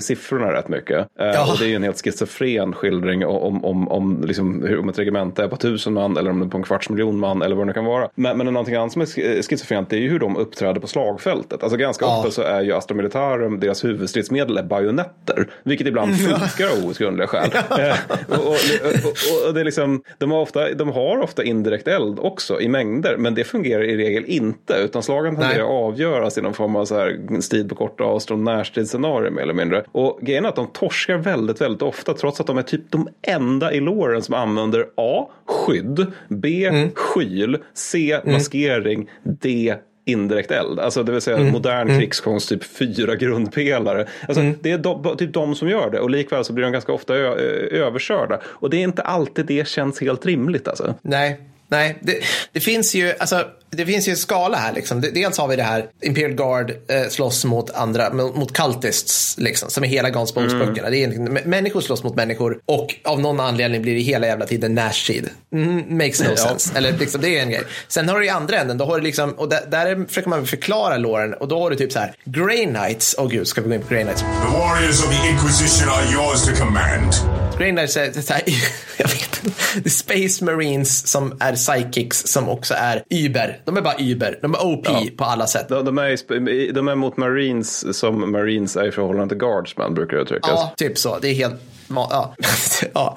Eh, Man fnittrar bara man tänker på dem för de är så, de är så over the top. Jo, men de har någon gång att så här, eh, vi har, vi har svärd och vi har hillebarder och vi har, vi har sådana här grejer. För att de vi slåss mot demoner, alltså riktiga demoner, mot dem funkar inte kinetiska vapen. Alltså det funkar Nej. inte att skjuta saker mot dem. För att de här demonernas demonmagi kan då antar jag känna av om någonting går för fort mot om det är någonting som går långsamt Men, men det är väl och någonting att liksom, det, Alltså, det, jag- det måste vara liksom, det måste, det är som demoner i praktiken är vandrande känsloyttringar så är det väl någonting i stil med Mm. att, att liksom de vapen man använder mot dem måste ha någon form av symbolvärde. Att symboler är viktiga kan- i den här galaxen. Ja. Alltså att de, de, ett svärd symboliserar krig och stolthet och ära och så vidare. Det innebär att ett svärd faktiskt är något som fungerar mot dem. Medan Mm. en laskan symboliserar kanske ingenting. Det är i varje fall inte har lika starkt. Alltså just att symboler betyder Mm. grejer för den här typen av varelser. Så kan det vara. Ja. Det, det kanske är det. Men, men samtidigt, de har ju också bolters. Men de har ju sina specialbolters som är där varje kula, eller snarare en liten raket, är välsignad med heligt vigvatten. Fan hans mormor. Men, of course. Ja. men, men jag tänkte, tänkte ändå stanna kvar. Vi pratade lite grann om det innan också. Men det här med regementsstrukturer inom Guard. För det är någonting som jag tycker är fascinerande. Oh det är alltså att allt är alltid ja. ett regemente. Som du sa, liksom att, det är ju som att författarna tog ordet regemente och tyckte att det låter stort och coolt. Ja. Låt oss ta det. Ja. Och förmodligen är det också för att de är britter de som skriver det här och tänker liksom på brittiska regementen då. Men alltså ett regemente kan ju vara på tusen man som i för First and Only. Eller som i fallet Gu- Gudrun 50th att det är en halv miljon man. Men det är fortfarande så att det finns en regementsstab. Mm, ja. Oavsett storlek så är det sen bara en mängd kompanier som har plutoner. Det finns liksom ingenting Ja. väl. Alltså, det, jag menar, för en halv miljon man, det, det är ju liksom så här, men det är en halv armégrupp på, på östfronten. Det var inte så att det var armégruppstaben och sen så var det Nej. kompanier. Utan man har nog ett mer komplicerat orgschema. Så, och då ska jag tillägga att regementschefen ofta Ja, ut. men tänk, Guderian samlar sina 4872 kompanichefer för att ge dagsorder. Hör ni mig? Ja, varje morgon ska alla kompanicheferna... Och jag menar, det, jag tror till och med i Italien är det nästan bara plutoner. Alltså det är så himla orimliga. Alltså, Ja, och det är också att reg regementschefen och hans Steff, de, de har ju en tendens att också strida. Alltså att de har det som Ja, en ja. av sina uppgifter. Att de, de är liksom grisar med skyttet i skyttegravarna. Liksom, att nu jävlar, jag har ett svärd och det tänker jag använda mot fienden. Men, nej, nej, alltså, du, du anför tiotusentals soldater. Du, du ska vara på en stabsplats och se till att, alltså, då allihopa är Gustav II Adolf i grund och botten ja, ja, precis. Det är det som är officerarna. Ja, exakt. Och det funkar inte för att det finns ingen som är rensköld som tänker så här, vänta ett tag nu. Förlåt, nu bytte jag krig. Jag vet rensköld, stora nordiska, men du förstår vad jag menar. Liksom, vänta Ja, ett tag nu. Vi måste faktiskt, hmm, logistik och så. Det, det, där, det där förklaras inte på ett bra sätt ever. Det enda man kan säga där är att det finns någonting som heter uh, munitorum, munito, Mm. munitorum, som då är en slags, det är ungefär, alltså jag har fattat det som att fram till, alltså guard, de dyker upp när du kliver ner i skyttegraven med ditt läskan. Liksom, det är guard. Allting fram till, guard, fram till det, exklusive artilleri och luftvärn, eh, det är munitorum, vilket är typ slavar som bär all din ammunition fram. Det är slavar som liksom gräver, gräver alltså fältarbeten. Det är slavar som upprättar större sambandsmedel, alltså mer än en truppradio. Truppradio har av någon anledning då ändå liksom, det är det. Regementschefen, han har en signalist och det räcker. Med till Som sina, håller koll på alla 4000 kompanichefer. ja, det är en jävla 180 han bär på, det, kan- det måste man säga. Ja, men också att det inte händer saker samtidigt, sådär, utan när man tar ett samtal i taget. Så. Det är ett väldigt oorganiskt sak. Alltså, ja, men, jävla, och, och, ja, precis. Och det enda jag kan komma på, den ämnet som skrivit den här Double Eagle, då byter han truppslag. Då håller han helt plötsligt på med, med heter, flygstrid, luftstridskrafter. Mm. Och då, då får jag också den samma känsla, liksom, som att de här, de pratar om Air Wings, Mm. uh, alltså Navy, Navy Air Wings, och då är det Thunderbolts som både kan flyga i, i rymden och i atmosfären. Och de fungerar precis av någon anledning som så här, jaktflygplan under andra världskriget. ja, ja, lustigt nog.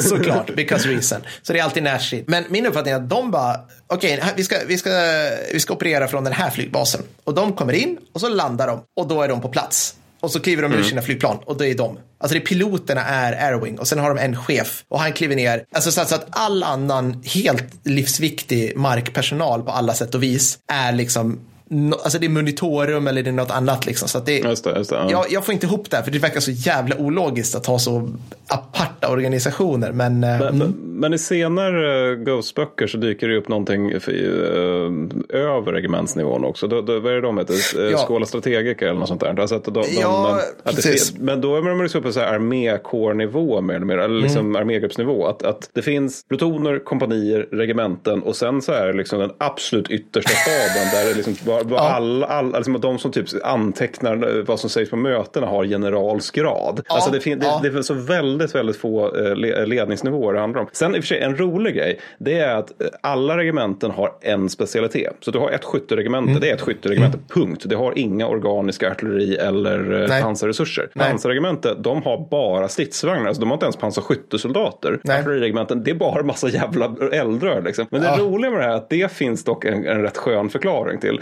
Det är Mm. att det här har imperiet gjort med flit. Och det är för att ifall ett skytteregemente deserterar, då ska det vara helt avskuret från resten av den militära hierarkin och sålunda inte kunna liksom, agera på ett effektivt sätt i fält. Vilket ändå, det finns en förklaring. Och det är en ganska rolig Mm. Ja, jag, förklaring. gillar, jag, jag gillar den förklaringen också. Tydligen så finns det, det- i och med att Games Workshop har ju kommit på att det här är ju, det här blir ju inte lika roligt att skriva om på riktigt samma sätt. Så de har ju liksom, de har ju satt samman så här, ni samarbetar med de här och ni samarbetar med de här.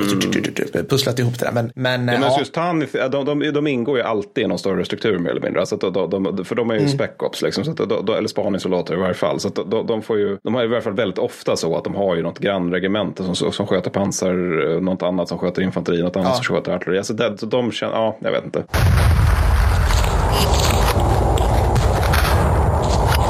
Men ska vi, ska vi köra lite grann vad som är rimligt med 40K också? Ja, det får vi göra rätt fort. Jag tror vi måste börja avrunda det här. Annars Ja, blir jag det vet. helvete att klippa. Ja, jag vet. Jag vet. Ja. Men i alla fall, det beror på, helt på författaren. Alltså det rimliga, om man tänker så här, om man tar Astra Militarum. Alltså det rimliga, om man tänker motståndet, det är att de kör väldigt mycket indirekt eld. Alltså de är ju människor som är klädda i vad som i den här galaxen är en t-shirt och beväpnade med en ficklampa trots att Ja. det, återigen den här t-shirten står emot en 12-7. Och de möter demoner, vandrande biologiska stridsmedel, vandrande ekosystem. Och alltså det kan de ju inte besegra med knytnävar. Alltså det är ju jätterimligt att de kör mycket indirekt eld. Alltså att de är kungar på artilleri i grund och botten. Ja. Det är också det här med att de, de ofta skildras som att de, är, de har en väldigt hög grad av mekanisering. Det är också ganska rimligt. För att de är ju återigen människor, de kan inte marschera överallt. Så att det är rimligt att de, har, de, de, de strider uppsuttet väldigt ofta till exempel. Eller att de Ja. har just mycket pansarskyttefordon och liknande. Och det är även rätt rimligt att de blir ägda av imperiets fiender. Jag menar en av de här fienderna kallas Necrons. Necrons de har ett vapen som innebär att man stänger ner hela solsystem med knapp, en knapptryckning. Alltså att solen slutar lysa där. Eller om det går supernova. Jag minns inte vilket. Men om, om man möter det. Då, då, då är det rimligt att de kanske liksom faktiskt inte kan vinna en fair fight i egenskap av ändå Nej. välutbildade normala människor. Ja, nej men alltså, jag, jag var inne på det där, liksom, jag tycker faktiskt, alltså i sin, alltså Games Workshop är i större utsträckning än många andra IPs, förlåt, 40K, är i större utsträckning än många andra liksom, intellectual properties. De är rätt bra på att följa sin egen interna logik när de skriver sin fluff. Mm. Förutom när de inte är det som jag sa. Ja, men, ja. men jag kan ändå tycka, liksom, men som vi var inne på, liksom, att så här, sammansättningen, av, sammansättningen av yttre hot, inre hot, hot från människor, hot från dig själv, alltså så- alla de här hoten har tvingat fram det här samhället. Och det samhället skulle, alltså skulle vi utsätta för samma hot, och, liksom, världen skulle ändras upp och ner och hela skiten, då skulle, alltså, det skulle säkerligen utvecklas i samma typ av samhälle. Och det, för mig är det, funkar ju det som en slags realism i sig själv. Förstår du? Ja, det. är realistiskt i sig. Liksom. Sen gillar jag väl liksom, jag, jag, tycker ju på något vis att de här posterboysarna, här starters, är rimliga just för det hotet de har. Det gillar jag liksom. Ja, just det. Att det, det, något ganska speciellt behövs då. Liksom. Precis, jag gillar det. De och typ så här Spartans ur Halo och eh, vissa andra sådana här, vissa andra liksom, sci, både sci-fi och sci fantasy grejer när de liksom bara, det här är så pass viktigt och det här är så pass, så du, vi kommer avsätta din mänsklighet här. Vi kommer, vi, det här priset måste du betala. Det är lite Enders game på något vis. Att, men liksom, för, för att kunna vinna det här, för att kunna bevara mänskligheten så måste du, du måste avsätta din mänsklighet för det här. Liksom. Och det görs ju på något vis hela tiden på alla nivåer i rymdimperiet. Alltså de bryr sig, om, de bryr sig inte om enskilda människoliv, men de bryr sig till slut om det kommer upp på så här sektorsnivå strax under segmentum. alltså nu liksom ett par tusen miljarder människor då liksom. Ja, men, men, men är inte liksom lite så på något sätt att Imperiet bryr sig om mänskligheten och skiter fullständigt i människor? Alltså Ja. att de är beredda att offra precis vad som helst när det gäller mänskligheten. Så, men, men absolut inte någonting för enskilda. Och alltså de är även, som du var inne på, de är även i, i, i, helt villiga att offra människors mänsklighet så att säga. Mm. Alltså att göra omänskliga saker för att arten bara ska bestå i grund och botten. Vilket är ju rätt ordentligt mörkt i sig. Ja, servitors. Servitors Ja, är ju vi- människor vi- som har vi- blivit vi, vi, kan inte, vi lobotomerade. kan inte Ja, ja. Det, det är fan en saga för sig. Vi hinner inte gå med på, in på vad en servitor är. Men, men, men, men bara en liten grej när, när det gäller Guard, alltså bara ett sista exempel på något som Mm. är rimligt. För det är om vi, Tanith som vi hela tiden äh, återkommer till. Det är ju i praktiken spaningssoldater. Ja, mm, Och i de precis. böcker där de får syssla med spaning och liksom så lite spec-ops-grejer och så vidare. Då brukar de klara sig ganska bra undan det. Mm. Men i de böcker där det är så här, nu är ni satta att hålla en stad. Mm. Eller liksom ni ska hålla en befäst ställning i egenskap av, av lätt infanteri. Då är det ju ofta så att liksom halva regementet utraderas. Alltså Mm. det är ju fortfarande så att de borde förmodligen ta högre förluster. Men, men det, är ändå att, det är ändå rätt rimligt i sig. Alltså de, det är ju inte deras huvuduppgift att hålla Vervenhide. Hive, eller vad det är, nionde boken eller vad det är. Där de ska också hålla typ en borg mer eller mindre. Ja, det här spökhuset Hinserhaus, ja. Ja, exakt. Nej, precis. Just det, just det. Ja, Men de, de förlorar, alltså de, de förlorar så, det är så jävla många named characters som droppar där så Mm. det finns inte. Och det är ju rimligt. De är lätt infanteri. De ska liksom inte ha, ha den typen av uppgifter. Men Nej. när det gäller Astartes, där är ju re, det, rimliga, återigen beroende på författare, men det är ju typ när Aaron Dembski Bowden skriver om dem. För han beskriver dem alltid som antingen Special Forces eller QRF. Alltså min favorit över det hela det är Hell's Reach. Hell's Reach det är en bok som handlar, det är typ Stalingrad fast i rymden. Och där sätts då, jag tror det är 87 Astartes in för att inte hålla utan hjälpa till att hålla staden. Och deras, deras roll är dels att se till att moralen hålls uppe, i att bara visa upp sig i sina stora svartvita rustningar och se badass ut, vilket de har lyckats med alldeles utmärkt. Alltså dels alltså sköta planeringen på grund av det du var inne på, det här att de är intelligentare än vanliga människor. Men också alltså att när det verkligen skiter sig, alltså när, nu, nu kan inte Guard hålla den här muren längre så att säga. Nu får ni dyka upp. Då ska de liksom agera QRF och bara liksom utplåna det lokala hotet som dras tillbaka. Så, alltså, de, de ska aldrig hålla en bräsch utan de ska bara liksom täppa upp den tillfället tills någon annan kan hålla den. Och det, det är rimligt, tycker jag. Alltså i, hur, de, rimligt. eh, hur de borde operera med tanke på att de är så få. Ja, precis. Det är också ADB, han är duktig. Alltså, det, är, återigen, den här Spears of the Emperor, så har de ju, han har ju uppfunnit ett chapter som heter Mentors, som är just det, de är mentorer. Och bara liksom flöjtar runt enskilt och hjälper andra allierade förband med att bli mycket, mycket dödligare i det de gör. Och de skickar ju ofta bara en. Alltså Ja, det är liksom en. en snubbe som bara ska Ja. tillse att det här gardregementet som kan vara upp till en halv miljon man bara ska bli bättre på typ artilleri. Ja, vilket är ju också någonting som alltså specialförband gör hela tiden i vår värld. Så jag, jag gillar också det. Jag tycker det är bra faktiskt. Ja, men de är väl typ så här MacWee SOG fast i, i 40K. Ja, faktiskt. Sen en annan sak som är ganska rimlig, eh, det är ju att eh, varje chapter, till och med varje kompani om Astartes, är en självförsörjande styrka. För återigen, de är så få att de måste vara det. Och om det, ska Mm. Krävas, om det räcker med 100 man för att ta en planet, då måste de ju ha egna organiska pansar, artilleri och flygresurser, vilket de i regel har. Mm, Och de är i regel också mycket bättre än, än, än det som liksom gängse eh, infanteri kommer med. Mm. Och sen också bara en sista grej egentligen, det är ju om man tar liksom imperiet på, på mm, stor nivå, då är det ju det här med att command and control, att det är hopplöst. Det är ju också rimligt. Alltså det handlar om en galax. Räddning, på grund av, alltså de åker genom helvetet för att ta sig någonstans så kan man ju tänka sig att ifrån och till händer att räddningsstyrkor försenas med årtionden. Och det Ja, ja. gör ju att liksom, kommunikationer är otillförlitliga och det leder ju till att det är rimligt att, att imperiet är den här liksom, stora spagettin av, av liksom, små stater, små påvar och att allting är väldigt kulturellt heterogent. Så. Ja, jag, jag håller med. Och liksom, det, det är nästan för bra ibland att alla pratar samma språk fast de har åkt så här över en hel kvadrant och sådana här saker. Men, eller liksom sektor eller vad fan det heter. Men, men eh, det får man ju köpa som en, som en plot device helt enkelt. Att de kan förstå varandra. Jag, jag, gillar, ju, jag gillar ju precis det du säger. Att, de, att det sticker ut så jävla mycket just på det sättet. Sen gillar jag ju inte, alltså vissa saker känns där, därför måste de bestämma sig. Jag, återigen, det du berättade att så här, Guard är så jävla elit, är liksom, är liksom slutsatsen. Men samtidigt så pratar de hela tiden om att liksom Guard, alltså människoliv är så pass billigt. Alltså Guard är också så pass billigt, så man använder hela tiden i självmordsattacker. Så att jag får båda, jag får, liksom, å ena sidan så säger de så här, ja, era last rifles är mer värda än era liv. Men det. that makes no sense med tanke på att det finns ju hela planeter som inte gör annat än att bara producera 100 miljarders liksom läsguns. Så att, men jag vet inte, det, det finns säkert bra förklaringar till det här. Ja, men alltså, rätt ofta så är det ju så att författarna skriver någonting som ska vara grimdark för att det ska vara grimdark och sen så Ja. har de liksom inte tänkt på följdeffekterna vad det här leder till. Alltså att, det, jag minns att det, var, det är någon beskrivning av en agri-world, en sån här värld där de bara odlar säd. Liksom. Och där, Mm. där, där har författaren ändå liksom lagt ganska mycket krut på att beskriva hur man liksom helt utarmar jorden Mm. och sen så liksom, ja, dumpar man in en massa liksom konstgödsel i den så, så håller man på med en sån process tills planeten efter liksom 250 år eller sånt där inte längre kan, kan supporta liv överhuvudtaget. Men det är ju liksom så, alltså det, även om de har många planeter så skulle, skulle man inte kunna hålla på så eftersom det är ju samtidigt den här planeten ska ju förse alltså, hundratals andra planeter med käk. Och, och, och Ja, de, de, de, alltså de kan inte hålla och slösa på det sättet. Det är lite grann som det här med att, eh, fast det är för sig mer en meme i, i, bland fansen, det här med att man håller på med exterminatus precis hela tiden. Det stämmer dock inte, utan det är ju Mm. Nej. någonting som man i regel inte får göra. Men, men, men, men just det här slöseriet med planeter, det kan, det kan de ju liksom inte undvara på det sättet. Det är rätt mycket resurser i en planet. Ja, och människan har en tendens att inte föda så mycket barn när saker och ting är för jävligt. Förstår Nej. du vad jag menar? Alltså det, Nej, det finns liksom en... en, en, en så, vi, vi pratar om att vi har mycket befolkningstillväxt liksom i Afrika nu. Mm. Men det är ju för att liksom det har gått över en viss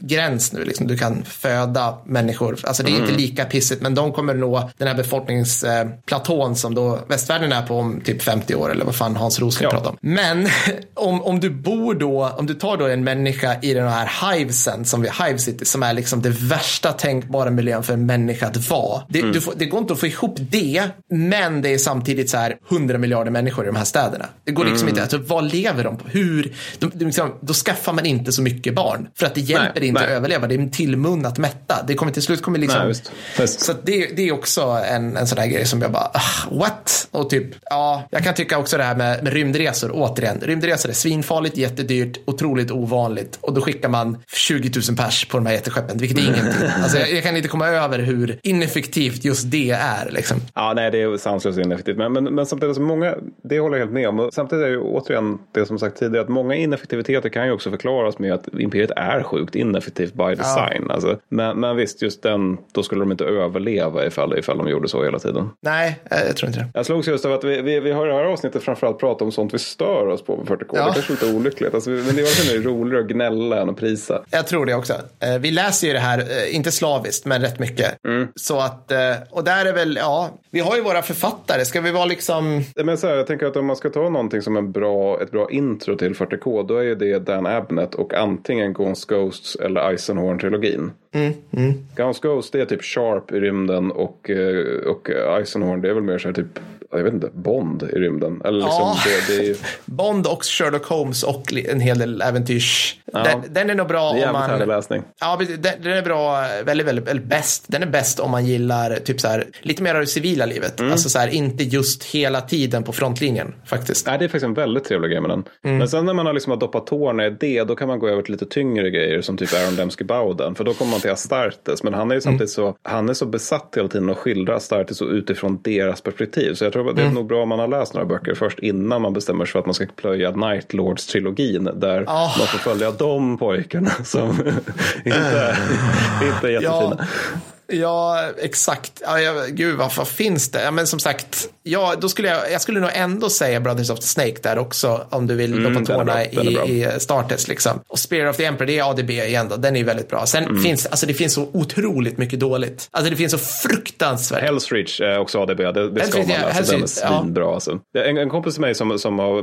blivit väldigt intresserad av det här med låren i King 40K. Han läste massor med böcker, sen läste han Hell's Reach och sen så sa, sk- messade han mig bara, det här är typ det bästa jag har läst. Eh, det här är, den här karln lyckas göra låren till litteratur. Jag noterar nu att han gör en skill- en distinktion där. Alltså att rätt många dåliga författare skriver ju bara lore. Medan Mm. ADB och Abnett, de skriver faktiskt litteratur. Och det är en viss distinktion däremellan. Exakt. Ja, alltså följ, följ de bra författarna. För att även om de dåliga författarna tar sig an ämnen som du gillar. Till exempel gjorde jag misstaget att så här, jag gillar, fick för mig bara, jag vill läsa något om Baneblade, så här, super heavy tanks. Yeah. Och så läste jag Baneblade. Och det spelar ingen roll att det är Baneblade. Det är fortfarande dålig jävla litteratur. Alltså det är dåligt, det är dåligt karaktärsbyggande, det är dåligt. Och är sånt dåligt, då blir allt dåligt. Men läste du inte den där av William King också? Där med, Ah, med han uh, Macarius eller vad han heter. Alltså, Åh, gud vad dålig den var. Åh, det var så här, jag bara yes, nu jävlar, nu liksom en trilogi om en, en warlord. Alltså då tänkte jag så här, coolt skrivet ur det perspektivet. Nej, ba, alltså skrivet för tolvåringar. Och han var ändå den första författaren som jag läste om 40K när jag var typ 12. För han skrev om Space Wolves. Och det är en sån här bok som jag aldrig kommer läsa om. För att jag har fina minnen av den och jag vill inte inse hur dålig den var, tror jag. Just det, just det.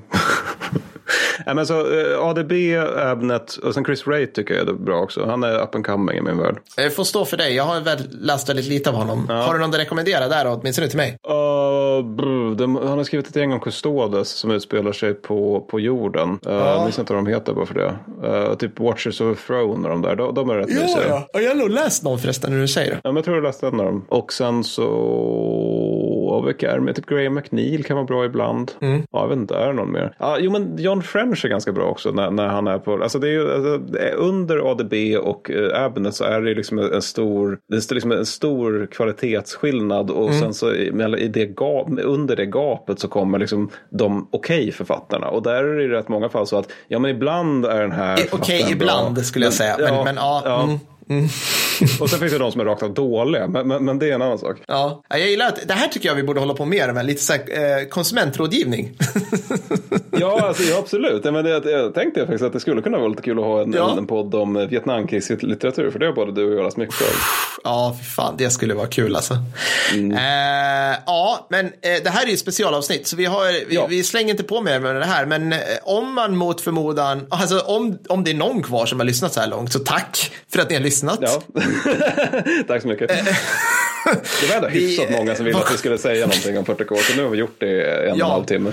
Ja, det har vi fan verkligen gjort. Eh, om, vad finns det mer där? Om ni håller med oss eller inte håller med oss så kontakta oss på sociala medier. Rate oss gärna på iTunes och sådär. Vi, ja, det, det här är inte Mm. Ja. läge att säga bli våra patrons. För att Nej, om det ni blir våra. Det- patrons kommer ni aldrig få mer av sånt där. Nej, jag skojar. Tyvärr, förmodligen inte i varje fall. Ja. Ja, bra. Ja, men då så. Nästa avsnitt blir ett riktigt avsnitt. Nästa avsnitt är ett riktigt avsnitt. Vi vet Ja. inte vad det blir, för vi spelar in det här långt i förväg, men ändå. Ja, ja, men ändå. Det blir nog något annat.